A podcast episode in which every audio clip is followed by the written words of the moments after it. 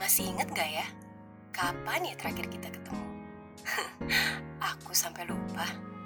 Kalau nggak salah, terakhir itu kita nongkrong bareng saat masih pakai seragam putih dan celana abu-abu.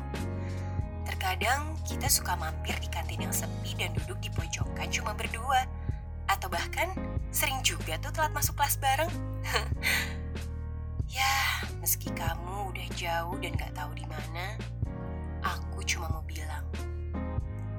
kasih ya.